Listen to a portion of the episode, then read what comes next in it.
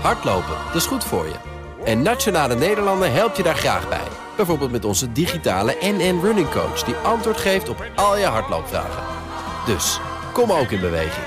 Onze support heb je. Kijk op nn.nl slash hardlopen.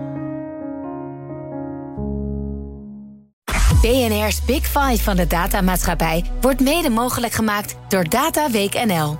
Omdat data ertoe doet. dataweeknl.nl BNR Nieuwsradio. The Big Five. Paul van Liemt. en dit is een uh, foutje, want het is Diana Matroos. Goedemorgen. Data kunnen onze samenleving slimmer, veiliger en socialer maken. Maar data geven ook macht aan degenen die het bezitten. Deze week wil ik in BNR's Big Five van de datamaatschappij onderzoeken hoe we de kracht van data om belangrijke maatschappelijke vraagstukken op te lossen kunnen behouden zonder onze democratie op te offeren. En dat doe ik met vijf toppers uit die wereld. En vandaag mag ik aftrappen met internetpionier en oprichter-directeur van onderzoeksinstituut Waag. En Waag onderzoekt intussen al 25 jaar hoe open, eerlijk en inclusief nieuwe technologieën zijn. Marleen Sticker, fantastisch dat je er bent. Heel fijn om deze week met jou te beginnen. Welkom. Dankjewel. Uh, voordat ik het met je ga hebben over de donkere kanten van de datamaatschappij, want ik weet dat je daar ontzettend veel uh, over te zeggen hebt, wil ik twee dingen van je weten. Je loopt al heel lang mee in deze wereld. Wat fascineert jou nou het meeste aan die wereld op dit moment? Op dit moment. Um, nou, de, de verandering die, er, die je kunt waarnemen van, van alleen maar optimisme en, en naar meer een kritisch in de zin van afgewogen uh, oordeel en gesprek over technologie. En dat heeft heel, is heel erg lang, is dat, was dat er niet. Dus ik ben eigenlijk heel blij met, uh, met de gesprekken die we nu voeren en de acties die worden ondernomen. Ja. Dus echt het omslagpunt wat we nu een beetje hebben. Het omslagpunt en dat is natuurlijk wel een poosje gaande al. En je kan ook wel momenten vinden waarop dat uh, ingezet is. Maar je kan, als je het nu over internettechnologie hebt, dan moet je echt een gesprek aan. Je kan niet alleen maar roepen. Hoezee, hallo, leuk, gezellig. Je moet ook echt die andere kant met elkaar bespreken. En dan het tweede wat ik van je wil weten, als het gaat over het gesprek aangaan. Wanneer heb je voor het laatst met big tech-spelers om de tafel gezeten? Dat ik zelf aan tafel zat met een big, big tech, een big tech-speler. Nou ja, kijk, als, je, als, je dat, als dat betekent dat dat uh, eigenlijk alleen maar de, de, de, grote Amerikaanse of vanuit, vanuit die wereld uh, aangestuurde bedrijven is, dan heb ik ooit, maar dat is al jaren geleden, een keer met Uber aan tafel gezeten. Maar dat was gewoon een Nederlandse vertegenwoordiger, een public ja. relation man. Ja. Dus dat betekent eigenlijk dat je. Je kan eigenlijk hier in Nederland nauwelijks echt aan tafel zitten met Big Tech. Want je hebt altijd. Want probeer het wel. Vertegenwoordigers te spreken. Nou, dat heeft, dat heeft niet zoveel nut voor nee? mij. Nee. nee. Nee, maar ik, ik hoor ook een beetje dat je daar ook niet zoveel zin in hebt. Nou, het heeft geen zin, omdat... Uh, kijk, als je met Nederlandse vertegenwoordigers spreekt... die hebben geen invloed op het bedrijf. Be, uh, het bedrijf. Nee. Dus dan, dan is dat een beetje een zinloze exercitie. Uh, uh, dus nee, dus de, ik, ik denk dat dat niet zoveel zin heeft als ik daar. Nee, nou ja, ik kan me zo voorstellen van jij verdiept je helemaal. Je bent helemaal aan het kijken van nou, hoe kan het open en eerlijk dat je eigenlijk graag met dat soort mensen ook in gesprek wil. Hè? Want je noemde zelf uh, het, het gesprek als een bepaald punt. Laten we voordat we uh, wat verder de diepte ingaan, eerst even data definiëren. Hè? Want het gaat over data en maatschappij deze week. Hoe definieer jij data? data is een ehm, als wij iets meten, dan zetten we dat om in, een, uh, in gegevens. En dat noemen we dan data. Voordat het digitaal was, hadden we natuurlijk ook al data... in de zin van dingen die je opschrijft. En, en uh, een, een, temperatuur af, afmeten, dan, heb je, dan kan je ook zeggen... het is 37 graden, dat noemen we dan data. En in de tijd dat we dat nu allemaal kunnen digitaliseren... is, zeggen we eigenlijk, data is alles wat je opslaat in, in computers. En dat is nu inmiddels dus alles zo'n beetje. Elke beweging die we maken, de seconde dat ik haper, kan je omzetten in data. Mijn stem, uh, onze aanwezigheid hier, de, tocht hierheen. En we weten inmiddels dat dat, uh, dat, dat ook allemaal opgeslagen wordt. Ja, en, en dan uh, merk ik ook, voor mij is uh, toch die data ook belangrijk. Hè, want je noemt, alles wordt gemeten. Nou, ik uh, kijk elke dag in mijn smartphone hoeveel stappen ik nou heb gedaan. Want ik probeer toch op die 10.000 stappen per dag te komen. Waarom zijn we zo verslaafd geraakt aan die data?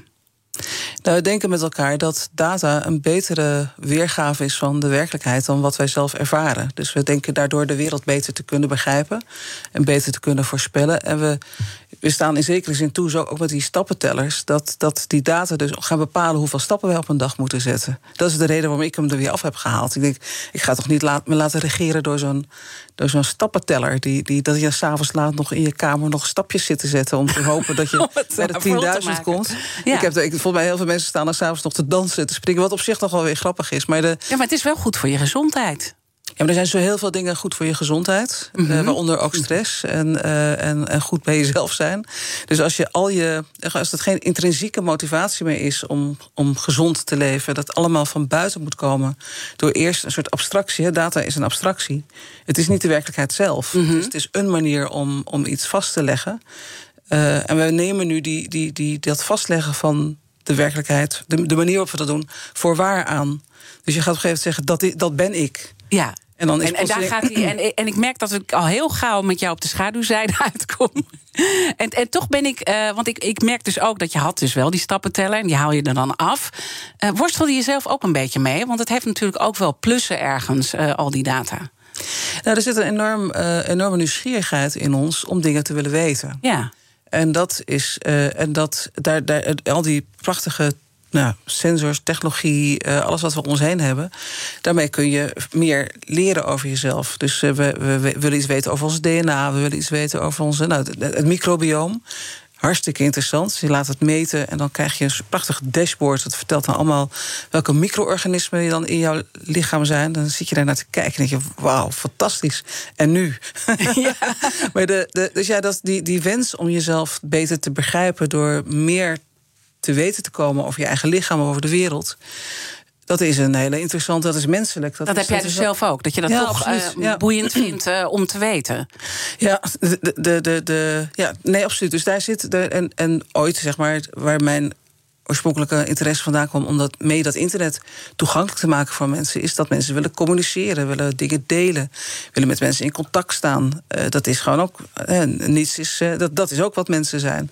Ja. Dus die, die, die, die, die, drift om dat te willen doen dat wordt heel erg goed bediend met uh, communicatietechnologie. Ja, dus dat is ook iets wat je zelf persoonlijk uh, ervaart. En we kunnen allemaal plussen opnoemen. En die benoemde je net ook, het medische verhaal. Maar natuurlijk ook uh, ja, als het gaat over mobiliteitsdata. Hè, kunnen we ook ons leven mee vergemakkelijken. Maar toch hoor ik meteen, het is bijna moeilijk om niet in de problematische kant met jou te komen.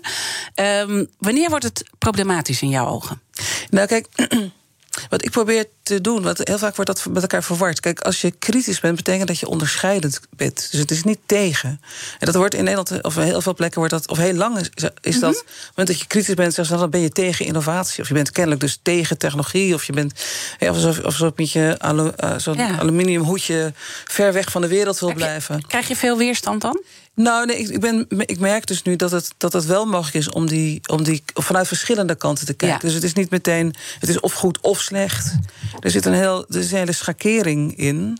En het vraagt dus steeds aan ons: wat willen we? Waar, waar optimaliseren we voor? Wat, waar zet je het voor in? En van wie is het? Dat is de vraag die je helemaal aan het begin ook stelde. Eh, van wie is eigenaar van die data?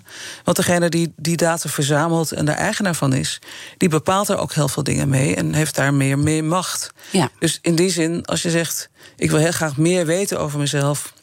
Ik vind het interessant om mijn microbiome of mijn DNA uit te laten lezen. Prima. Hartstikke leuk, te gek, fantastisch. Maar uh, waar gaat die data dan heen? En bij wie blijft die? En, dat, en die vraag op dit moment hebben we niet goed opgelost. Dus daarom zit je steeds met die dubbele, uh, met die ja. dubbele discussie van ja, fantastisch, maar. Uh, maar het gaat maar, jou om het eigenaarschap. Het gaat om het eigenaarschap en om de zeggingschap. En, uh, en we weten inmiddels, nee, goed, dat, en dat is de discussie waar we nu in, dat, dat, dat het nogal mis is gelopen. Dat we daar afslagen zeg maar, hebben gemist uh, in de afgelopen 25 jaar. Ja, wat kan je dan uh, aangeven wat jou het meeste zorgen maakt binnen die schaduwzijde die er dus ook is? Nou, het grappige is, ik, niet alleen. De, de Cybersecurity Raad in maart heeft een uh, rapport laten verschijnen. Ga, uh, niet minder dan onze strategische autonomie staat op het spel. Van ons land, van bedrijven, van organisaties, van individuen. Dus, dus heel vaak praten we over het begrip privacy. Maar ik denk dat, dat begrip echt niet dekt waar het over gaat. Het gaat over je autonomie. Uh, in de mate waarin jij zelf beslist over je eigen leven, of over je eigen organisatie, of over je eigen land, of over je eigen stad. Wie, wie heeft zeggingschap over de mobiliteitsstromen in een stad? Is dat nog steeds een stadsbestuur? Of zijn dat degenen die de apps besturen en zeggen: Nou, we, we zeggen tegen jou linksaf en tegen jou rechtsaf. Dus waar zit de controlemechanisme? Maar als het over die strategische autonomie gaat, het zit diep, diep in onze systemen, ook in onze telecominfrastructuur. Er is niet voor niks, uh, gegeven, wordt er nu een kabel uh, over de oceaan gelegd tussen Brazilië en Portugal om een eigen fysieke internetkabel te hebben voor Europa, zodat we niet afhankelijk zijn van de Amerikaanse kabels over de zeeën over de oceanen. En dat betekent, dat weten we sinds Snowden. dus, dus Edward Snowden in 2013 zegt... al het verkeer wordt afgetapt. Ja. Dus dat soort. Uh, dus ook als het gaat over de data over zeg maar, op de onder, zeg maar, om de meest basale fysieke infrastructuur die we hebben. Ja, dat, dat betekent dat je dus. Uh, dat dat soort vraagstukken op tafel liggen. En daar kan je niet naïef over zijn. Nee, we worden dus langzaam wakker. En hoe heeft het dan toch zo kunnen zijn dat we zover zijn gekomen dat we eigenlijk niet meer de grip erop hebben. Want dat, dat hoor ik door jouw woorden heen. Ja, ik heb dat zelf natuurlijk ook geanalyseerd. Want ik, ik, een paar jaar geleden kwam ik met het boek Het internet is stuk, maar we kunnen het repareren. En toen uh, heb ik natuurlijk voor mezelf ook moeten analyseren van waar, waar, waar want ik was erbij, min of meer. Ja. het ligt niet aan mij, denk ik, maar goed. Maar uh, ik heb wel kunnen, kunnen zien wat voor een afweging het en hoe we er toen over spraken. En ja, je kan zien dat op het moment dat we eigenlijk hadden moeten praten over de publieke voorziening internet. Zoals we dat ook met ons wegennet doen. En we hebben heel veel publieke voorzieningen. Dat was precies op het moment, midden jaren negentig, dat we eigenlijk alles gingen vermarkten de zorg, de energiesector. Dus dat eigenlijk precies op dat moment de overheid had zien... nee, de markt kan het doen. Precies in dat moment had eigenlijk het internet... een, een zekere publieke omarming nodig gehad... en een, een, zorg daarvoor. Uh, dus dat, dat was al lastig in dat, dat tijdsgevricht. En vervolgens is er uh, ja, ook echt met, met alleen maar ja, jubelend achter tech aangelopen. En ja, iedereen die daar iets over zei, kritisch was, in de zin van onderscheidend, niet tegen, die werd gezegd: jij snapt het niet. En, en het was, nee, mijn, mijn, kleine neefje snapt het wel, maar jij kan het niet snappen. Dus er is een soort. Mensen zijn buitenspel gezet. Ook de politiek is buitenspel gezet. En is dat dan echt heel bewust geregisseerd door die grote spelers? Nee, dit is een cultureel fenomeen. Dit, is, dit is een, een politiek-culturele klimaat, zeg maar. Dus een klimaat waarin mensen die veel verstand hebben van, van techniek... tegen al die andere mensen, die vinden ze maar lastig met vervelende vragen. Die snappen het gewoon niet. Laat ons even lekker innoveren, dan komt het goed. Dus, en dat is de tendens dan toch steeds. Hè. Dus uh, uh, je bent een hindermacht. Ja. Als je regels opstelt, dan, uh, dan zet je innovatie klem. Ja, en, en, en dus toch word je dan, uh, ondervind je nog steeds die weerstand. Want eigenlijk zeg je, we zitten op een omslagpunt, zeg je enerzijds. Maar aan de andere kant hoor ik je toch nog zeggen... nou, je wordt toch een beetje weggezet van wat een zeur. Nou, het, het, daarom vind ik het, het moment nu zo interessant. Ik denk dat uh, juist als je regels opstelt, dan moet je heel erg inventief worden. Dus het feit dat je zegt, we hebben grondrechten... we hebben een aantal basisprincipes die wij democratisch willen... Uh, die ver, ver, ver, verdisconteerd hebben, of in ieder geval in de basis van die technologie hebben, als je die uitgangspunten vaststelt met elkaar, dan moet je weer opnieuw even nadenken, hoe ontwerpen we het dan? Dus het is ook heel uitdagend, voor, ook voor ondernemers en voor mensen met creatieve technologieachtergrond, in samenhang met mensen die iets weten over uh, wat juridisch en sociaal uh, aanvaardbaar en, en politiek maatschappelijk aanvaardbaar is. Dan krijg je dus weer een enorme boost van wat dat gaan we eens even doen. Dus ik vind eigenlijk op dit moment een hele leuke tijd. Zeker als je dat vanuit een Europees perspectief doet. Dan zie je dat er enorm veel allianties te, te maken zijn. En dan krijg je dus juist ook weer de, dat van we gaan het maken. Ja, dus dat is, het, is, niet alleen, ja, het is niet alleen maar we, we moeten weg van iets, maar ook we hebben gewoon ook iets te doen met elkaar. The Big Five. BNR Nieuwsradio. Diana Matroos. Mijn gast is Marleen Stikker, internetpionier en directeur van onderzoeksinstituut Waag. Um, als we het hebben over die keerzijde, is natuurlijk Facebook uh, ja, een heel duidelijk voorbeeld nu, wat iedereen duidelijk op het netvlies ligt. Uh, was je verrast toen die oud-medewerker deze maand uit de school klapte? Uh, nou, nee, ja, daar moet het van hebben. Dus, um, je was trots eigenlijk. Nou, het, het, gekke is, want we hebben natuurlijk, als je, je kan veel van die momenten in de afgelopen tijd waar, daar een, waar maatschappelijk een nieuw perspectief komt, uh, uh, koppelen aan de, de, de, de whistleblowers, zeg maar. Dus dat, dat was uh, Snowden en dan rondom Cambridge Analytica. En nu weer rondom Facebook uh, iemand die daarvoor stapt. Kijk, alles wat zij vertelt, uh, Francis Hoeven, is gewoon bekend. Er, er is echt niks nieuws aan. Het enige is dat zij, dat weet, te staven met documenten die ze mee heeft genomen. Ja, dat die is ze heeft gelekt. Ja. En dan kan je er niet meer omheen. Dus dat is dit. Dus dat, dat, is, dat was natuurlijk met Snowden hetzelfde. Eh, Wat hij vertelde over het onderscheppen van informatie door, in dit geval de, de, de inlichtingendiensten, was ook al bekend. Maar het was nog niet bewezen. Er waren geen documenten die het bewezen. Dus nee, ik was niet verbaasd. Mhm. Niet maar verbaasd, maar van, nou, wel van het komt nu naar buiten. En misschien ook wel eh, diep respect voor dat zij het heeft aangedurfd. Ja, de, het is. eh, en, en, en, en, en ja, whistleblowers of, die worden nog steeds niet goed en voldoende beschermd, natuurlijk. Waardoor Mhm. het eh, ook heel moeilijk is voor mensen om die stap te zetten. En vaak, eh, nou ja, bij de toeslagenaffaire weten we het ook. De enige ambtenaar die ontslagen is, degene die de klokkenluider. Dus je, je neemt gewoon echt grote risico's. En het is dus ook heel interessant om te zien dat ze. Eh, ook spreekt, eh, dus meteen ook in Amerika toch echt het woord krijgt in, in, Ja. in het congres. En ze wordt door Facebook eigenlijk weggezet van eh, ze heeft helemaal geen verstand van zaken. Ik bedoel, dat is ook wel een klassieke reactie misschien. Ja, dat is natuurlijk, dat, uiteraard, dat zou ik ook zeggen als ik, als ik Facebook was. En ze spreekt ook eh, 8 november bij het Europees Parlement. Dus eh, ze is ook, in- komt ook in Europa getuigen. Dus dit, dit is wel iemand die dus nu in ieder geval het, het figure, het, zeg maar, het, Mhm. het, even de, de aandacht krijgt en het verhaal Ja. nou, redelijk goed eh, naar buiten brengt. En als je dan kijkt naar alles wat je al weet... en je bent dan niet verbaasd dat zoiets naar buiten komt... maar eh, ja, kijk natuurlijk ook, neem ik aan, dan naar die documenten. Eh, waar is dan het punt dat je toch gechoqueerd bent?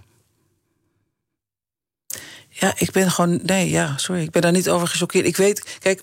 ik, ehm, Of waar zouden wij het meest over Nee, gechoqueerd je, zou, je, moeten zou, zijn? je zou het meest gechoqueerd moeten zijn over dat dit willens en wetens en met dat men weet wat men aan het doen is. Dus dat het niet per ongeluk is. Dat is wat sommige mensen denken, ja, het is nou eenmaal zo. Het is nou, het is tenslotte digitaal of er is tenslotte een algoritme. Maar daar kunnen ze toch ook niks aan doen. Eh, en dan nou, de, de, de, de, stukken, de documenten bewijzen dat, eh, dat men wel weet wat men doet. Dat dit bewuste strategieën zijn. Maar dat wisten we al, omdat eh, Zuckerberg zijn bedrijf start met dat hij weet dat hij data en informatie krijgt van mensen die hij niet zou moeten hebben. En dan vervolgens zegt: dumb fucks, stomme idioten. Ik ga mijn bedrijf weer opbouwen. Dus het bedrijf is, is van het allereerste moment heeft het, heeft het verkeerde intenties. En is, is, is, is, is het niet een eerlijk bedrijf. Nee. En het feit dat dat. dat en, dan, en dan hebben we hem natuurlijk een aantal jaar geleden eh, bij het congres gezien. Hè. Hij moest eh, zich verantwoorden. En dan denk je eigenlijk, er is gewoon helemaal geen moer veranderd. Nee, het, het, het, staat, het heeft zichzelf buiten en boven de wet geplaatst. Ja. En creëert eh, nu helemaal met een, met een metaverse verhaal. Het is een soort, soort godsdenken wat de man heeft. En eh, ja, dat hebben we ook laten gebeuren. Ja, en, en dat hebben we laten gebeuren. Dus daar, daar zit iets in. En dan is het hoe los je het eh, op als het al zo ver eh, is gegaan. Je hebt ooit eens een keer gezegd: wethouders die onderhandelen met bedrijven als Airbnb en Uber moeten dat altijd doen op het terrein van de tegenstander. Er staat altijd een leger met juristen staat er klaar. Kunnen we, na alles wat we uit de hand hebben laten lopen, hier nog tegen opboksen? Ehm, ja, uiteraard. Dat, Ja, dat, dat moet je wel. Maar is het, is het echt zo? Ik bedoel, ehm, lachen ze ons gewoon niet uiteindelijk uit? Oh, zeker. Zeker. Er zitten een aantal mensen te schudden buiken als ik dit zeg. Dus dat is. eh want op dat moment. Ja, er zit daar gewoon. Wie dan? Nou, daar zit zoveel kapitaal en er zit zoveel positie, zoveel macht. En er is ook verstrengeld natuurlijk met ook. Hè, dus, dus je ziet gewoon ook hoe. Ja, het is wat. Maar hoe eh, politiek die eigenlijk kritisch zou moeten zijn en zich zou moeten.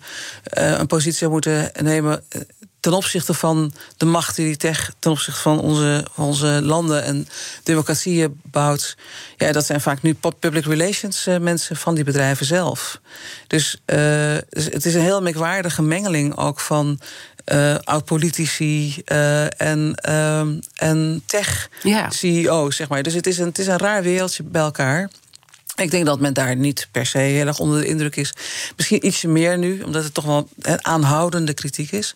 Nee, kijk, ik denk dat. dat, dat ehm, eh, als je kijkt naar wat Europa nu aan het doen is eh, met eh, de Digital Market Act, de Digital Service Act, uh, reguleren van artificiële intelligentie. het, het, er is ook een grote beweging om het, ehm, het uh, behavioral advertisement onmogelijk te maken. Maar daar zit, er, daar zit echt voldoende inmiddels politieke wens om, om te reguleren. Met de Biden-administration hetzelfde. Daar staan ook een aantal grote.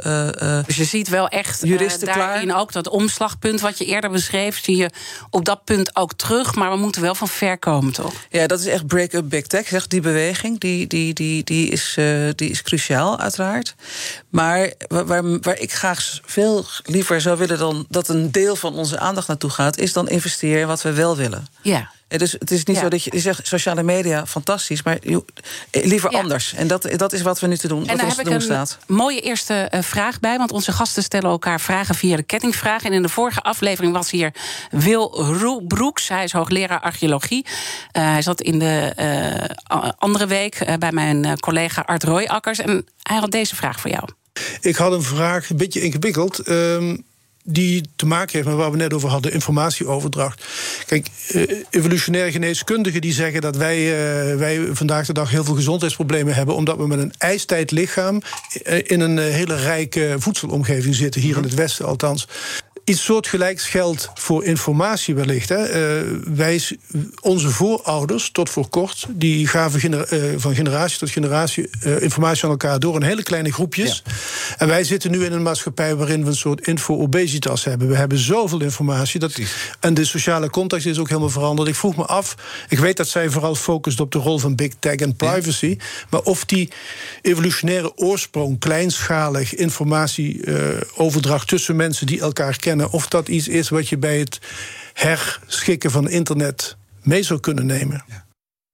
Ik vond het een hele leuke vraag. Ik had, mocht hem gelukkig iets eerder uh, al lezen um, om erover na te denken. Ja, dat is. Kijk, het spreekt met name over, over informatie. Maar wat je ziet is dat waarom mensen zo ongelooflijk enthousiast over dat internet zijn, is ook omdat ze in contact met elkaar zijn.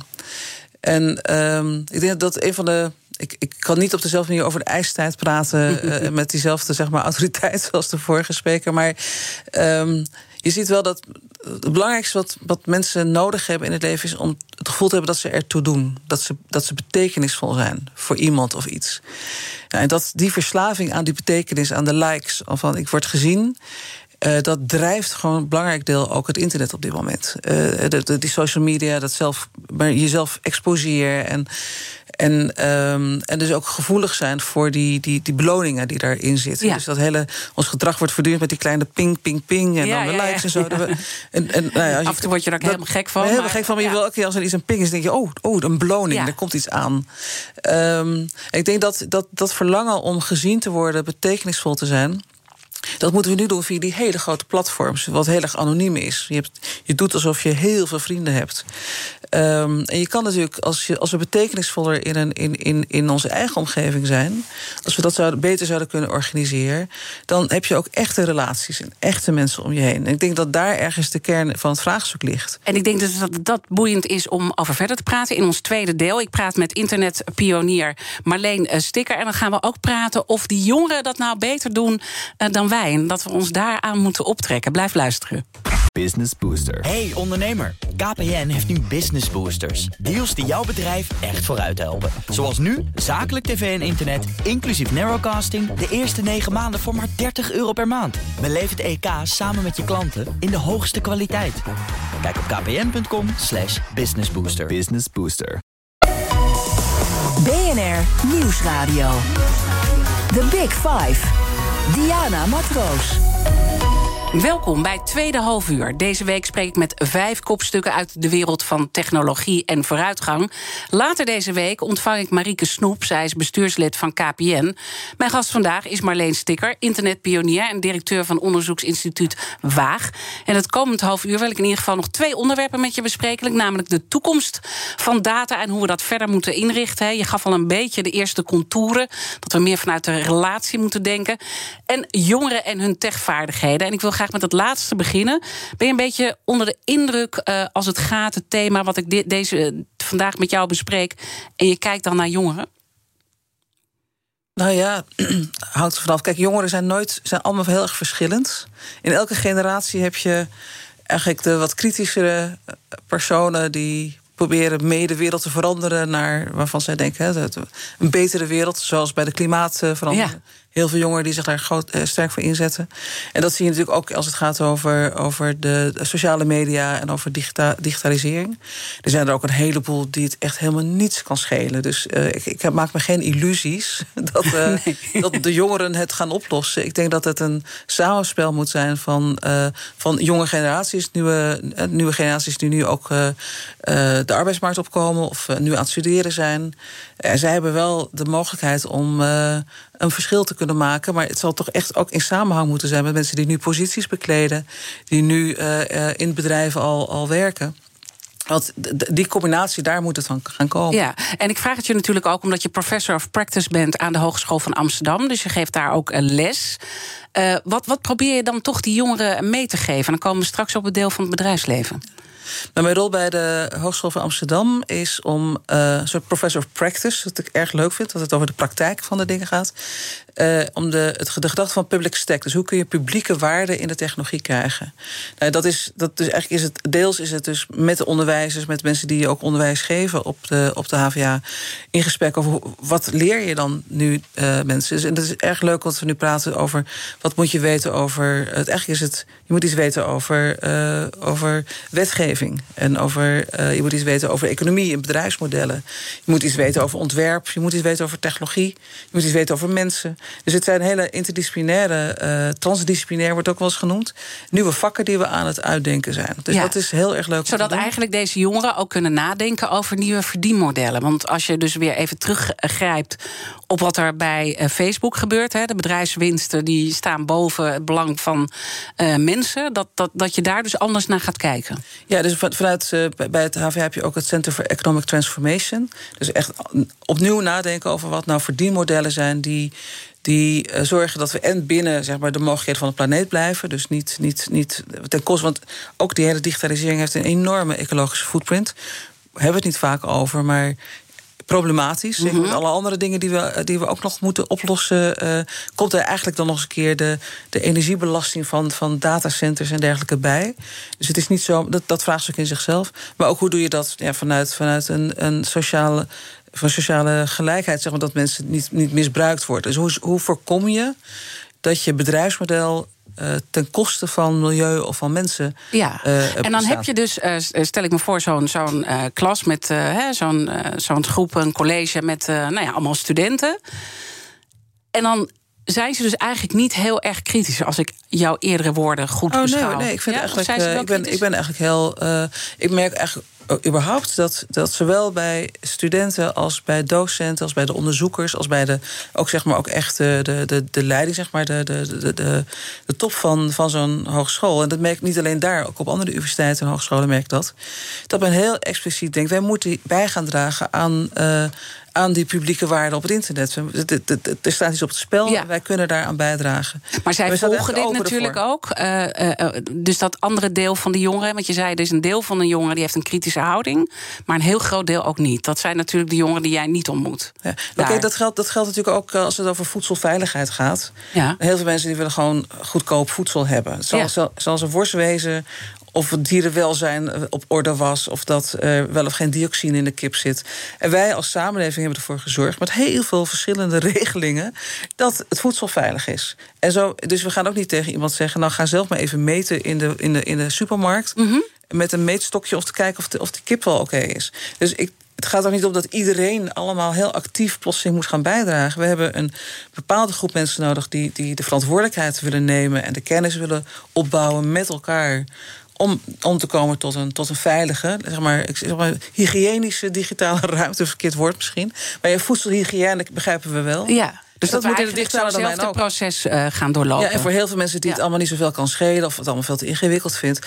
ja, die moeten gewoon zorgen, die moet gewoon zorgen dat dat voor hun ook veilig is. Ja. Dat het niet allemaal pers- persoonlijke Ja, keuzes Dus je zegt zijn. eigenlijk maakt het misschien niet uit. Dan moet je die mensen die verantwoordelijkheid ook helemaal niet geven. Dat, dat gaan ze helemaal niet doen. Dat moet een bepaalde groep doen. En, Nou, zoals en- we zorgen voor, voor veilig voedsel in ons land... of in binnen Europa daar regels voor hebben... zo moet je zorgen voor veilig internet. ja.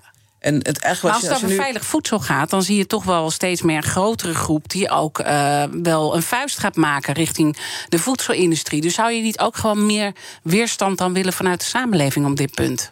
Ja, maar die, zoveel, dat is zeg maar de, het, dat misschien wel dat ik dan denk van, nou, ik, ik zie eigenlijk, je hebt nu people versus big tech, dat is een grote beweging in Europa. Er zijn iets van 25, misschien inmiddels meer. Dat vertegenwoordigt iets van, van 20, 30 miljoen mensen. Nou, die, die, die drukt nu op. Eh, dus je ziet, je ziet uh, class action suits, hè, dus dat, dat burgers samen uh, een, uh, de, een groot bedrijf, Big Tech, voor de rechter dagen. Dus waaronder bijvoorbeeld ja. TikTok. Ja. Dus uh, ja, dat, je ziet dus dat het wel gebeurt. En dat, je ziet dat het gebeurt en, en dat is dus weer die, die, die beweging die je nu ziet. En daarom vind je die tijd zo spannend. Maar als je dus eigenlijk ziet hoe belangrijk jongeren ook hiervoor zijn, hè, ook richting de toekomst. Zouden ze dan niet veel eerder uh, kennis moeten hebben van zaken? Want ze zijn wel hele goede consumenten als het gaat over data. Maar misschien die kritische houding die ontbreekt. En dat ja. is toch ook een vorm van educatie. En ja, ja hogeschool is misschien een beetje te laat. Ben ik helemaal met je eens. Nee, dat, dat begint veel eerder. Ja. En ik denk wat, wat, we, wat, uh, wat heel erg jammer is, zowel op lagere school als middelbare school, is dat alles met technologie wordt gezien als een beta-vak. Dus het is met wiskunde. Als je goed bent in wiskunde, scheikunde, natuurkunde, nou, dan kan je ook wel informatica gaan doen. En wat, wat mij betreft, en dat is ook wat we met de wagen doen, met dat maken-educatie. Je zegt nee, technologie is gewoon een manier waarop je dingen kunt maken. Dus het hoort bij de creatieve vakken. Het is eigenlijk, je hebt een schilder, eh, je kan schilderen, je kan tekenen, je kan schrijven, je kan programmeren, je kan knutselen, je kan solderen. Dus het hoort, op het moment dat je het, in het in een, bij de creatieve vakken plaatst, dan, dan open je dat ook voor veel meer mensen om daar kennis van te nemen. Je maakt het minder, het, je, demystificeert het. Dus er is een soort mystificatie, het is heel erg ingewikkeld, dat kan je allemaal niet. Dus blijf jij nou maar gewoon gezellig, lekker gebruiken. Dan, dan, dan gaan de, de echte slimme mensen gaan het wel voor jou maken. En wat en daar moeten we vanaf. Is, is dat een, een, een doelbewuste strategie van die techspelers? Nou, ik denk dat we, omdat wij dat ons onderwijs dat zo scheidt, die, die, die, dat, dat perspectief van dit is beta en dat is alfa. Of je bent talig. Of je ja, maar er is iemand die daarover nadenkt. Nou ja, opnieuw, ik denk dat dit, dit is iets wat in de cultuur, cultuur onze cultuur is. Ja. Dat we, dat we, dat we die, die abstracte kennis hoger inschatten. Dus we mm -hmm. hebben voor hoger onderwijs, dan ben je dat, we hebben een soort hiërarchie mhm. gebracht. Dus ambachtelijk is dan laag en dan is abstractie is hoog. En ik denk dat dat een, een, een, dat, dat is een valse voorstelling van zaken. Je kan dus door, door te doen, door te maken, kun je heel veel kennis ontwikkelen. Ja. Dat is een andere leerhouding. Dus dat, Zou, dat zou qua houding al moeten veranderen. Uh, maar moet er niet ook gewoon uh, veranderen hoeveel invloed. Hè, want als je het hebt over de machtsbalans, jij vindt dat die is doorgeschoten hè, vanuit de big tech spelers. Als je dan ziet dat 70% van de Nederlandse basisscholen Google software uh, gebruikt. Uh, waar onderwijsexperts dan weer grote zorgen over hebben. Aan de andere kant moeten we juist weer sneller gedigitaliseerd worden. Hoe kijk je daar dan naar? Nou, die discussie over. Kijk, je zou echt moeten zeggen dat. Uh, eerst, wat wil je van die technologie? Dus we hebben dat bij de wagen ondergebracht in een soort public stack, publieke waarde. Hoe, dan moet je vervolgens zeggen. Dat kan je in je aanbesteding onderbrengen. Je kan zorgen dat je bedrijven daarop selecteert. Uh, we hebben heel veel publiek geld te besteden. Overheden, uh, onderwijssector, de zorgsector, de culturele sector. En je ziet ook dat daar nu initiatieven zijn om samen op te gaan trekken. Onder andere het Public Spaces programma, zowel in Nederland als binnen Europa. De European Digital European Space is een heel mooie samenwerking. En dan kan je op een gegeven moment zeggen: wij willen dit verankerd hebben in de technologie die we gebruiken. Dus geen data van kinderen of van überhaupt van mensen afpakken. Dat mag helemaal niet. Nou, al dat soort vraagstukken kan je daarin in, in, in betrekken. En dan heb je ook uh, koopkracht. En, en, en dan ontstaat er ook, denk ik, een interessante markt voor marktpartijen, nieuwe partijen die zeggen: Oh, dat kunnen wij wel leveren. Wij willen geen geld verdienen aan de handel in data. We willen gewoon een service verlenen. Ja, en daar ontstaat ook een. Weer dat nieuwe economische model waar jij uh, zo nee, naar op zoek bent. Ja, je ziet ook ondernemers daar echt wel in instappen nu. En, daar, uh, en daar hele goede zaken mee doen. Laten we daar dan zo meteen uh, over verder praten. Want het blijft natuurlijk moeilijk om op te boksen tegen al die grote commerciële partijen. die gewoon willen behouden wat ze hebben. Dat dus straks. Dan praat ik verder met Marleen Stikker, directeur van onderzoeksinstituut Waag. Maar eerst naar Iman Verriep. Zometeen ben je naar Breekt om 11 uur. Waar ga je het over hebben? Ja, we moeten een beetje een harde noot gaan kraken. Uh, Over het coronavirus. Er zijn heel veel mensen die uh, de laatste dagen weer zorgen hebben. Je ziet de besmettingen stijgen. Ja. Uh, de ziekenhuizen die zich zorgen maken. Um, uitbraak in een AZC. Nou, niemand wil nieuwe maatregelen. Maar in allerlei landen om ons heen gebeurt dat al wel. Hè. In Rusland moeten ongevaccineerden binnenblijven. In Oostenrijk wordt daarmee gedreigd. In Nieuw-Zeeland blijft er geloof ik een lockdown... tot het een bepaald percentage percentage gevaccineerd is. Uh, Roemenië krijgt weer een avondklok. In België komt er een boosterprik voor iedereen. En wordt er vandaag gesproken over een bredere mondkapjesplicht. Maar bij ons is het nog vrij stil. Eind deze week is er OMT-overleg. Eind volgende week dan een persconferentie van het kabinet. Maar ja, het lijkt er wel op. We gaan in ieder geval niet verder afschalen. En misschien dat er toch wel meer maatregelen nodig zijn. Niemand die het wil. Maar ja, wie weet. Wat moet dat moet, ja. Maar de vraag is dan, hoe gaan we dat dan doen? Um, nieuwe maatregelen. Er wordt natuurlijk nu heel vaak gekeken naar, gekeken naar niet-gevaccineerden. Aangezien je met een vaccin minder snel in het ziekenhuis of op de IC komt. En die harde noot die wij gaan kraken is dus liever maatregelen voor alleen ongevaccineerden dan maatregelen voor iedereen. Dat is een hele pittige stelling. Zo. Um, daar gaan we vanaf 11 uur een half uur over praten. Uh, met uh, een panel, met een deskundige en hopelijk ook met luisteraars. Ik ben heel benieuwd hoe zij ernaar kijken. Ik denk dat het flink keer gaat. Ik denk het ook, ja. Bellen kan uh, vanaf 11 uur over 14 minuten naar 020 468 4 keer 0 020 468 4 keer 0 En um, nou, ik ga proberen om dat allemaal een beetje in goede banen te leiden. Oké. Okay. BNR Nieuwsradio. The Big Five. Ja, dat is spannend. Diana Matroos. Je luistert naar BNR's Big Five van de Datamaatschappij. Later deze week spreek ik nog met oud-Kamerlid Katelijne Buitenweg. Ze heeft een boek geschreven over de strijd tegen dataverzamelaars. En mijn gast vandaag is Marleen Stikker, directeur van onderzoeksinstituut Waag. We komen nu eigenlijk op het punt, uh, um, eigenlijk waar we begonnen in het gesprek. Dus die dat spannende moment waar we ons nu bewegen. Dat de dingen echt wel in beweging beginnen te komen. Hè. Je, je refereerde aan Biden, die toch wel wat uh, vooruitstrevende stappen uh, daarin zet. We mogen meer kritisch zijn. Hoe krijgen we dit nou uiteindelijk op een goede manier bij elkaar, denk je? Nou, wat ik belangrijk vind is dat. Um dat we, dat, we die, dat we een samenhang zien tussen wat je wil regelen met elkaar. En dat gesprek is een fundamenteel gesprek. Wat gaat over wat vinden we acceptabel. En, um, en die uitgangspunten zijn belangrijk om dat eens op scherp te krijgen. Mm -hmm.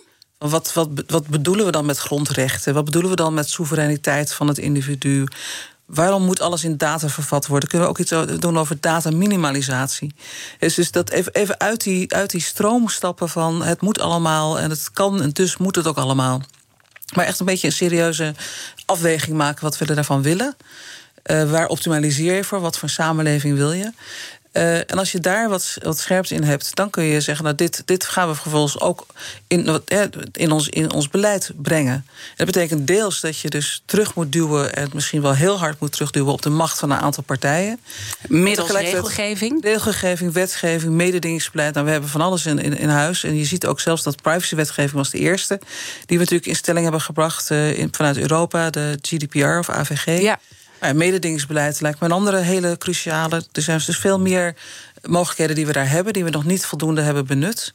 Um, maar, en dat is denk ik de energie die ik graag ook graag wil, wil, losmaken, is we kunnen het ook anders doen. Een mooi voorbeeld vind ik uh, Moonback. Dat is een bedrijf wat net gestart is.